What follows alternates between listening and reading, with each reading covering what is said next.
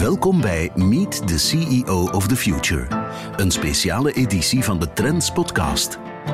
Deze podcast kwam tot stand dankzij de gewaardeerde steun van PwC.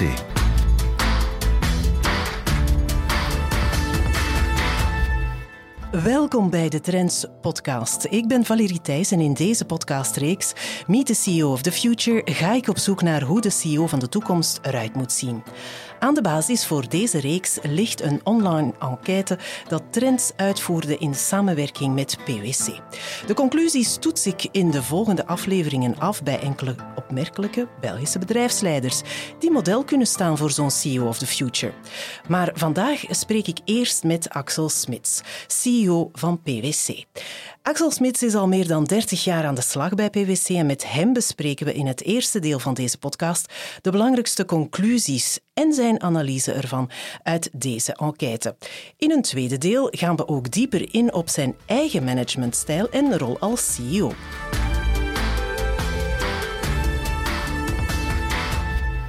Welkom, meneer Smits. Dank u wel. Ja, heel fijn dat u uh, erbij bent. Hè. Um, we gaan beginnen met die enquête. Daar zijn een paar opmerkelijke dingen uitgekomen.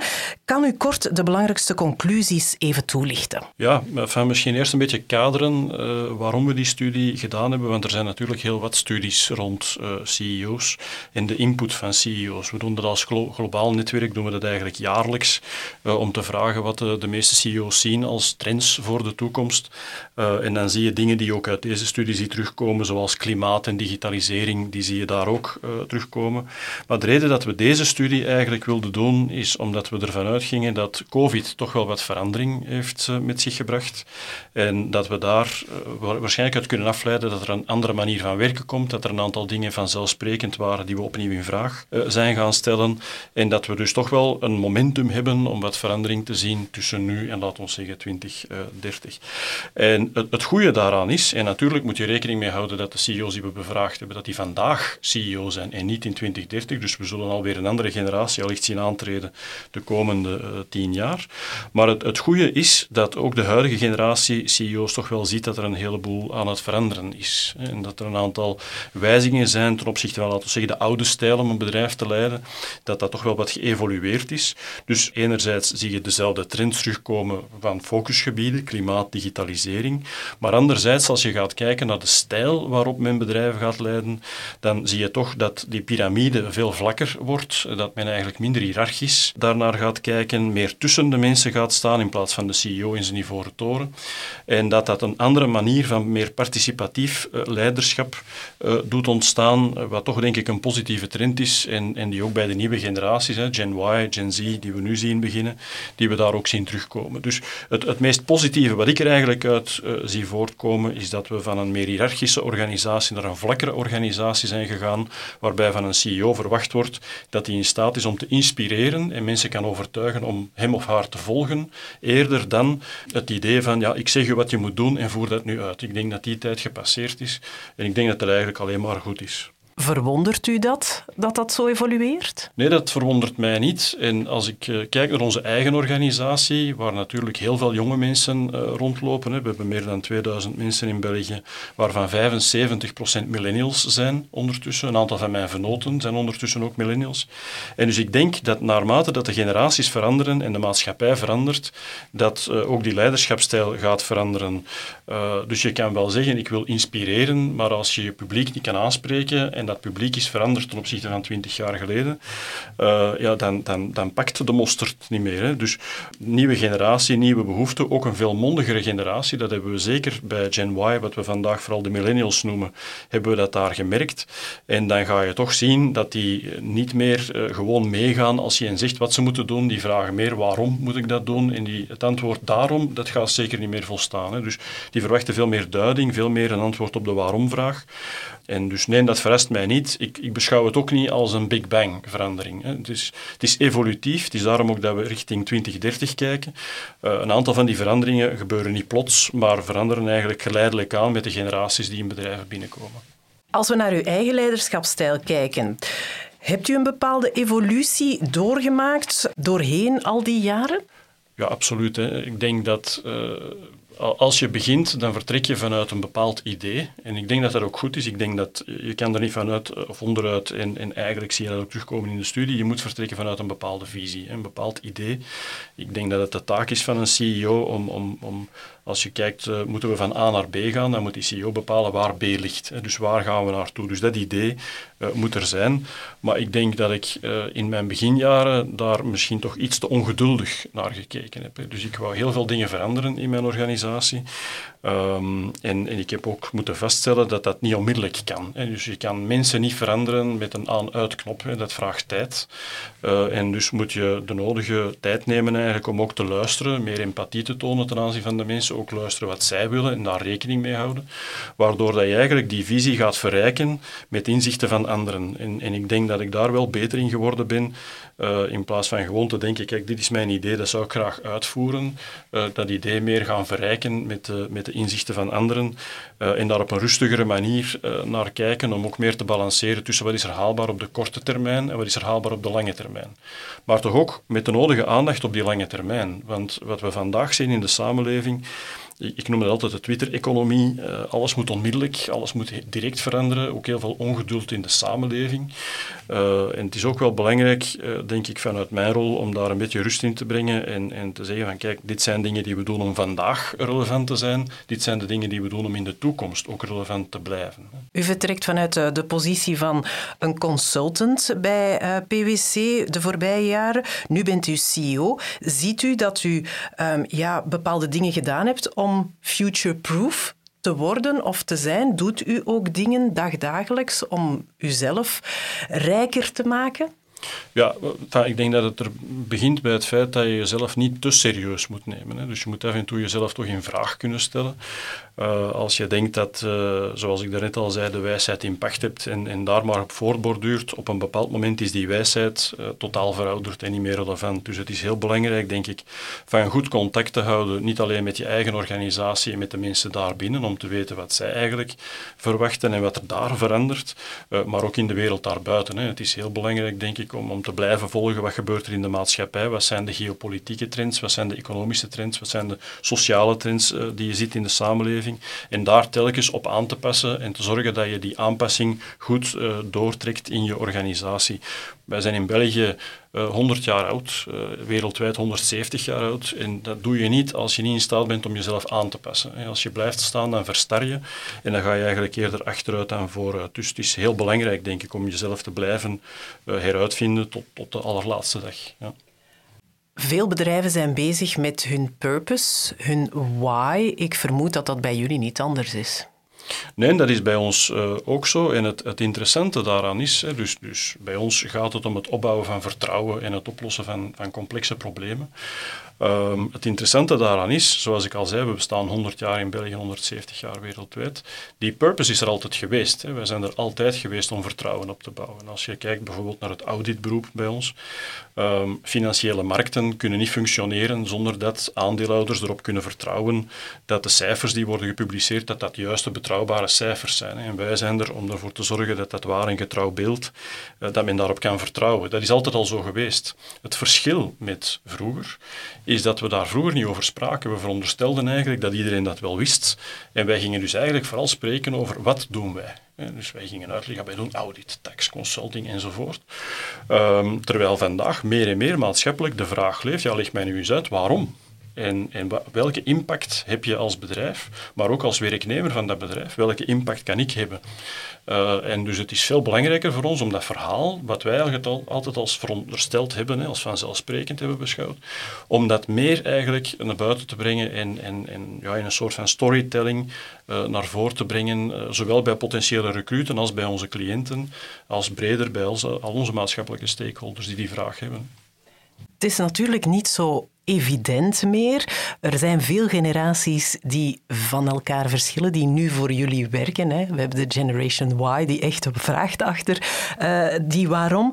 Um, en de andere, maar die moeten toch nog allemaal bediend worden. Hoe kan u toch van die groep die heel heterogeen is, een homogene, samenwerkende groep maken? Wel, eigenlijk doe je dat door de afstand zo klein mogelijk te houden. Hè. Dus door, door zoveel mogelijk mensen de kans te geven om ook hun mening te geven, van de jongste tot de oudste in de organisatie, moet eigenlijk iedereen uh, zijn mening kunnen, kunnen ventileren. Uh, en, en dat ook vanuit een zeker wederzijds begrip doen natuurlijk. Hè. Dat is heel belangrijk. Maar mijn gevoel is, hoe meer je rekening houdt met, met alle uh, generaties in je onderneming, hoe rijker die organisatie ook wordt. De ouderen kunnen genoeg leren van de jongeren, maar je hebt die ouderen ook nodig om die jongeren op te leiden. De gemiddelde leeftijd bij ons is, is 31 jaar, dus dat is vrij jong. Maar, maar wat je natuurlijk niet wil, is dat er alleen maar jongeren zijn, want die kunnen zichzelf niet opleiden. Dus, dus je moet dat evenwicht hebben tussen die oudere generatie die misschien wat meer ervaring heeft, die ook wat rustiger is en ziet wat, er, wat, de impulsieve jeugd misschien iets te veel onmiddellijk wil, hè, die dat gaat kaderen. Um, maar het is goed van naar iedereen te luisteren en van een inclusief beleid te hebben. Dat is denk ik heel belangrijk. Nu, inclusiviteit, uh, diversiteit, uh, dat zijn ook dingen die we bevraagd hebben in uh, de enquête. En die bengelen eigenlijk, net zoals social media, een klein beetje onderaan die resultaten. Blijven dat bijzaken, ook in de toekomst? Wel, ik denk dat dat er een beetje van afhangt hoe dat je die studie interpreteert. Hè. Dus je kan zeggen, ja, want ik denk dat ze altijd rond de 30% hangen, hè, dus het is niet dat het helemaal uh, geen reactie uh, teweeg brengt. Uh, maar je kan er op twee manieren naar kijken. Je kan eigenlijk zeggen, ja, waarom staat dat niet hoger in de prioriteitenlijst? Je kan ook zeggen, uh, waarschijnlijk gaan bedrijfsleiders vanuit dat ze die thema's al voldoende hebben behandeld en dat dat op dit ogenblik minder dan klimaat bijvoorbeeld een prioriteit moet zijn, omdat men al ver genoeg staat. En dat is denk ik ergens wel een, een, een misvatting. Uh, opnieuw, als ik naar onze eigen organisatie kijk, ik ben daar 30 jaar geleden, u zei het al, begonnen. Um, en ik heb eigenlijk nooit anders geweten dan dat wij een, een, open en inclusieve cultuur hadden. En dan zou je denken, 30 jaar later, dat je bedrijf een afspiegeling is van de samenleving, hoe dat die is samengesteld. En dan, dan stel je toch vast dat dat niet zo is. Hè. Dus ik denk dat we er soms iets te veel van uitgaan dat dat vanzelfsprekend is, dat dat wel automatisch zal komen. Als je maar gelijke lonen, gelijke opportuniteiten biedt, dan komt dat wel. Maar dat blijkt toch zo niet te zijn. En, en we hebben toch wel ondervonden dat we daar uh, ook als organisatie meer tijd moeten insteken. En ook moeten zorgen, zoals ik daarnet zei, met, uh, met de generaties, uh, dat we ook naar alle mogelijke groepen in de organisatie luisteren. We hebben vaak gedacht dat mensen met een diverse achtergrond, dat, dat, dat wij wel wisten wat goed was voor hen. nu hebben we denk ik beter begrepen dat we toch misschien eens moeten luisteren en vragen wat zij daarvan vinden.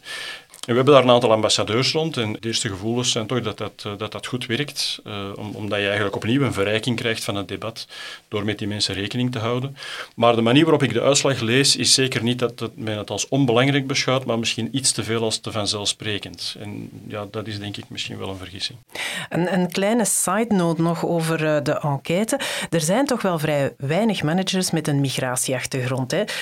Wat ziet u als mogelijkheden om die aanwezigheid dan te verbeteren? Wel, eh, door uh, de mensen met een, een, migratieachtergrond ook te betrekken bij ons uh, in, het, in het debat. Dus dat is de manier waarop wij daarmee omgaan. En in vragen hoe zij daar naar, naar kijken, hoe wij als organisatie daar beter in kunnen slagen om die mensen niet alleen aan te trekken, maar ook te laten doorgroeien. Wat mogelijkerwijze zo is, is dat mensen met een migratieachtergrond minder vertegenwoordigd zijn in het werknemerschap, maar ik stel vast dat ik ze meer zie in het ondernemerschap. En dat is iets wat, wat eigenlijk, vind ik dan, een positieve uh, trend is, omdat we in, in België eigenlijk toch wel nood hebben aan meer ondernemerschap. En, en als dat in die groep meer leeft dan in de klassieke bevolking, ja, dan is dat opnieuw een verrijking van de samenleving en dan kan ik dat alleen maar toejuichen. Maar binnen bedrijven moeten we zeker die inclusie verder versterken door mensen te betrekken en ook naar hen te luisteren, denk ik. Ja. En dan is er nog natuurlijk een hele grote groep, ook bij jullie, namelijk vrouwen. En als we naar de resultaten van de enquête kijken, zien zij de toekomst redelijk pessimistisch in. Hè? Ze denken dat het nog heel lang gaat duren voor zij op gelijke hoogte dan al die mannen terechtkomen. Ja, het is, het is heel interessant om, om te zien dat de mannen eigenlijk verwachten dat er veel meer vrouwen in het management zullen zitten in de toekomst uh, dan vandaag, terwijl vrouwen dat veel minder uh, zien, zien terugkomen. Dus dat, dat pessimisme ik kan er alleen maar van uitgaan dat dat gebaseerd is op het verleden en dat zij zien van ja, het is altijd al traag gegaan, waarom zou er nu ineens een versnelling komen? Nu, wat, zeker zo is, is dat het tijd vraagt, ook als, dat, als ik dat toepas op onze eigen organisatie. Aan de oppervlakte kan je zeggen PwC 46% eh, vrouwen, 54% mannen, dus dat is redelijk gelijklopend. Maar als je onder die oppervlakte gaat kijken, ja, dan zijn wij vandaag nog altijd maar met 15% vernoten, bijvoorbeeld, die vrouwen zijn.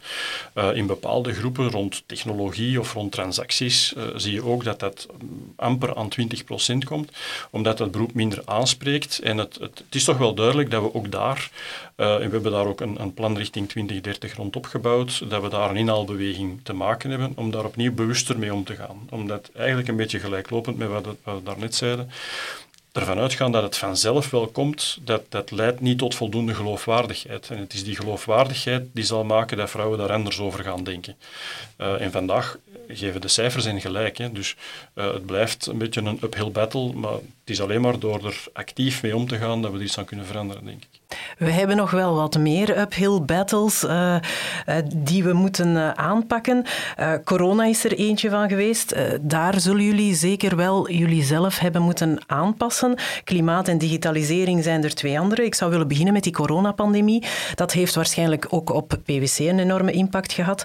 Um, zijn er nu bepaalde gebieden waar jullie verschuivingen gezien hebben? Uiteraard moest iedereen thuis werken. Ja, dus laat mij misschien zeggen dat ik bijzonder trots ben op onze mensen, dat ze door die moeilijke periode zijn doorgeraakt en eigenlijk op een heel goede manier uh, ten aanzien van het bedrijf dan. Uh, wat hen zelf betreft hebben we zeker gezien dat een aantal mensen het met dat thuiswerken heel moeilijk hebben gehad, omdat ze geïsoleerd uh, raakten, maar ook omdat niet iedereen een comfortabele thuispositie heeft om vanuit te werken. Dus we hebben toch wel gezien dat dat wat uitdagingen met zich heeft gebracht. Technologisch hebben we daar geen problemen gehad. We zijn eigenlijk van de ene op de andere in staat geweest om van thuis te werken zonder problemen. We hebben daar ook die 18 maanden lang geen, uh, geen problemen gehad. Maar wat je voelt op het persoonlijke vlak is dat de cohesie uh, voor een stukje verloren gaat, dat je bedrijfscultuur uh, voor een stukje verloren gaat. En dat is iets waar we nu heel hard aan het werken zijn om dat te herstellen. Uh, maar waar we ervan uitgaan dat dat toch opnieuw een jaar zal duren voor we dat hersteld hebben. Omdat natuurlijk, mensen zijn nu gewoon om van thuis te werken. We hebben daar ook een beleid rond uh, ingevoerd dat mensen die mogelijkheid hebben, hè, dus een, zo groot mogelijke flexibiliteit, waarbij eigenlijk de vrijheid van het individu enkel beperkt is door het belang van de groep. Dus je moet ook rekening houden met de groep natuurlijk en af en toe toch uh, samenkomen om dingen samen te kunnen doen, zowel intern als op, op cliënten. Um, maar dus je moet die cohesie dan herstellen in een omgeving waar mensen niet meer vijf dagen per week elkaar zien. Hè? Ofwel op kantoor ofwel bij een cliënt. Um, en dat, dat, zijn dingen waar we mee aan het experimenteren zijn. Hoe doen we dat? Wat is voldoende? Wat is niet voldoende om, om dat te herstellen? Um, maar, maar een heel belangrijk uh, thema op dit moment. Ja. En als ik dan uh, eventjes dieper op de kwestie mag ingaan, hè, mensen die niet meer dagelijks op kantoor zijn, uh, minder verbondenheid. Wat hebben jullie dan specifiek allemaal gedaan of georganiseerd om, om die mensen dichter bij elkaar te houden? Van om te beginnen, tijdens uh, de, de pandemie hebben we gedaan wat we konden, wat er mocht eigenlijk. Hè. Dus dat, dat resulteerde dan in wandelvergaderingen in openlucht, uh, uh, elkaar ontmoeten rond een houtvuur in openlucht, om toch maar de mensen samen te brengen. en er is ook geen alternatief voor. Hè. In het begin hebben we veel van die dingen geprobeerd, zoals virtual coffees. Hè. Dan allemaal achter ons scherm, maar dan samen een koffie drinken in plaats van te vergaderen dat blijft heel artificieel. Dus je moet mensen echt kunnen samenbrengen. Uh, geleidelijk aan, naarmate dat de maatregelen losser werden, hebben we extra budget vrijgemaakt om meer team-events te organiseren. Hè. En het is heel belangrijk, denk ik, niet alleen om mensen samen te kunnen laten werken op dossiers, maar ook zich samen te kunnen ontspannen en plezierige dingen te doen. Um, dat hebben we zowel op firmaniveau uh, gedaan. We zijn onlangs met, met, iedereen en met hun families naar Paradise geweest voor een dag. Maar dat is natuurlijk één dag. Hè. Dus, maar we doen dat zowel op firmaniveau als, als in kleinere groepen. Ik verwacht dat we daar minstens een jaar extra aandacht aan zullen moeten besteden om dat terug goed te krijgen. Als we nu kijken naar klimaat en digitalisering, um, volgens de respondenten van de enquête de belangrijkste focusgebieden. We moeten echt wel realistisch zijn. Hè? Dat gaat tijd nodig hebben. Hoe kijkt u daar tegenaan? Dat vraagt tijd. Dus hetgeen dat voor mij belangrijk is, is dat je beweegt, maar op een realistische wijze. Dus dat je niet ervan uitgaat uh, dat, dat je van vandaag op morgen dingen kan veranderen. Een voorbeeld, we hebben een nieuwe uh, car policy ingevoerd. Onze mensen zijn heel mobiel, moeten een wagen hebben om hun, om hun job te kunnen doen. Um, uiteraard moet een vergroening komen van het wagenpark, maar je kan dat niet van de ene dag op de andere. De, de, infrastructuur is er niet, de, er zijn ook niet voldoende wagens. De mogelijkheden of de range is nog soms uh, iets beperkt. Niet iedereen heeft laadmogelijkheden bij hem thuis. Dus je moet dat uitzetten op een plan, in ons geval richting 2030, maar je moet wel duidelijke stappen definiëren om elke twee jaar uh, een daling te hebben van je CO2-uitstoot, zodat je tegen 2030 aan nul zit. En dus het is een kwestie van, van inderdaad dat op een tijdshorizon uit te zetten, maar met concrete milestones. En dat geldt voor een aantal andere klimaatdoelstellingen. Onze kantoren moeten klimaatneutraal uh, worden. Wij zijn aan het, werken om onze, onze travel te beperken tot de noodzakelijke travel en dan ook als we travelen van daarvoor te compenseren. Hè. Dus zorgen dat we daar een bijdrage leveren om dat uh, waar nodig te neutraliseren. Maar al die dingen gaan ook gepaard met een gewijzigd gedrag, een gewijzigd inzicht. Ja, dat, dat vraagt allemaal een beetje tijd.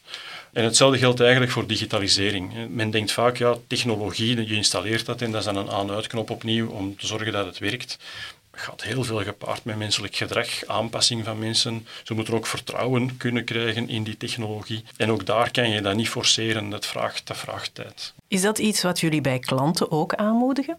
Absoluut. Uh, en zeker dat laatste. Dus uh, wat we nog wel eens hebben gezien in het verleden is dat ook klanten denken van ja, een bepaalde technologische oplossing, laat ons die implementeren. Um, en dan zijn we er. Uh, dat, dat werkt zo niet. Hè. Dus het, het, voldoende aandacht geven voor het change management en het, het meenemen van de mensen in het traject om ervoor te zorgen dat ze die toepassing ook op een correcte manier gebruiken. Ja, dat is, dat is zeker zo. Hè. Dat, is, dat is heel belangrijk. Ja. En dan wil ik een, een meer persoonlijke vraag stellen. Hè. U, u, kent de enquête beter dan wie ook. Uh, hebt u uw eigen stijl al afgetoetst aan al die globale noden die uit die studie uh, vooruitgekomen zijn? Maar ik ga niet beweren dat ik de hele studie uh, op mijzelf heb, uh, heb toegepast. Uh, maar ik, ik, denk toch wel dat, en dat is misschien het voordeel van onze organisatie, dat van, van een aantal van die principes die daarin beschreven zijn, in de trends die we zien, dat die principes bij ons al, langere tijd van toepassing waren, een beetje eigen aan de organisatie. We zijn anders dan een klassieke onderneming, uh, zijn wij een partnership. En, en, binnen een partnership, sowieso, als je een leidinggevende rol uh, wil hebben, dan moet je een draagvlak zoeken. Je wordt verkozen. Ik ben nu tweemaal verkozen, dus ik ben mijn tweede mandaat uh, bezig. Um, dus je moet een draagvlak hebben. En ik, ik beschouw mijzelf ook niet als een, een, een, een als de baas. Ik beschouw mijzelf als de primus inter pares. Uh, en dat is, dat is heel belangrijk. En ook in de organisatie uh, tussen de mensen staan, ook zelf nog cliënten bedienen. Uh, dat is toch wel belangrijk dat je, die, dat je contact met de realiteit behoudt. Um, en dus ik denk dat we daar wel als organisatie en ik dan als individu, dat we daar voldoende in mee zijn. Ja. En als ik dan een beetje een, een, misschien een vreemde vraag mag stellen. Um, u werkt ondertussen al 30 jaar voor PwC. U moet PwC een maand ontrouw zijn. Bij wie zou u dan als CEO aan de slag gaan? Er zijn daar denk ik een aantal dingen die ik dan wel zou willen uh, doen. Ik ben een, uh, een groot autoliefhebber, dus ik zou wel eens graag een, bij een of ander groot automerk uh, een maand rondlopen om dat eens van binnen te zien. Maar dan heb je het natuurlijk opnieuw over een relatief klassieke organisatie met een klassieke waarschijnlijk leiderschapsstijl. Terwijl hetgeen mij eigenlijk intrigeert meer en meer zijn organisaties die nog vlakker en nog minder hiërarchisch zijn dan we vandaag kennen. Um, en je ziet dat toch wel in de technologiesfeer, dat er daar wordt geëxperimenteerd in een aantal bedrijven met, met gedecentraliseerde organisaties, waarbij dat er echt geen, geen centrale leiding is, waarbij er meer zelfleiding wordt gegeven.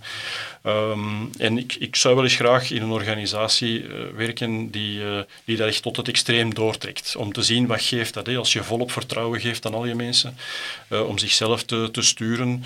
lukt dat, lukt dat niet? Da daar staan wij toch nog niet, dus zou ik nog wel van kunnen leren, denk ik.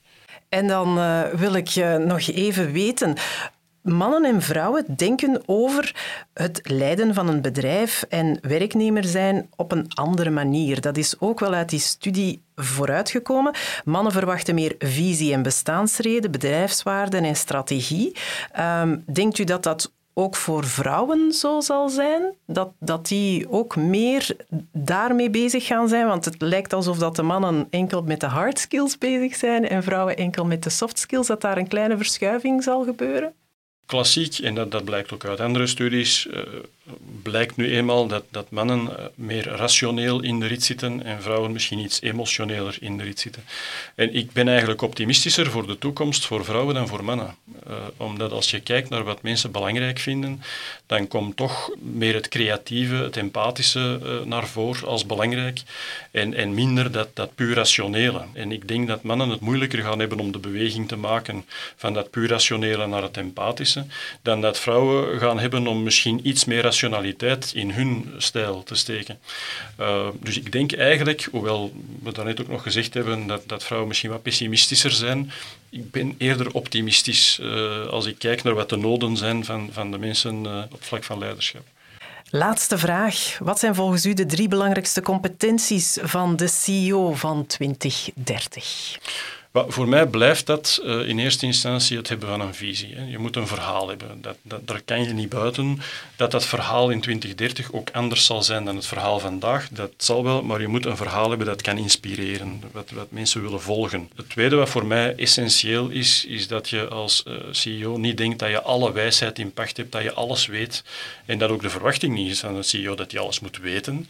Uh, dus voldoende luisterbereidheid en, en empathie tonen ten aanzien van mensen. Dus een diep menselijke stijl is, is denk ik uh, daar wel heel belangrijk. En het derde wat ik zou, wat ik zou noemen is uh, ja, voldoende verantwoordelijkheidszin. Hè. Dus uh, het is belangrijk, denk ik, voor een CEO om de moed te hebben om ook keuzes te maken die minder populair zijn, die misschien minder gezellig klinken en, en waar mensen misschien in eerste instantie vragen bij hebben. Dus die moed die moet er zijn, maar men moet dan ook de verantwoordelijkheid willen nemen als het slecht afloopt, dat dat dan de keuze was die men gemaakt heeft. En dus die zin voor verantwoordelijkheid, die vind ik toch ook nog uh, altijd heel uh, belangrijk.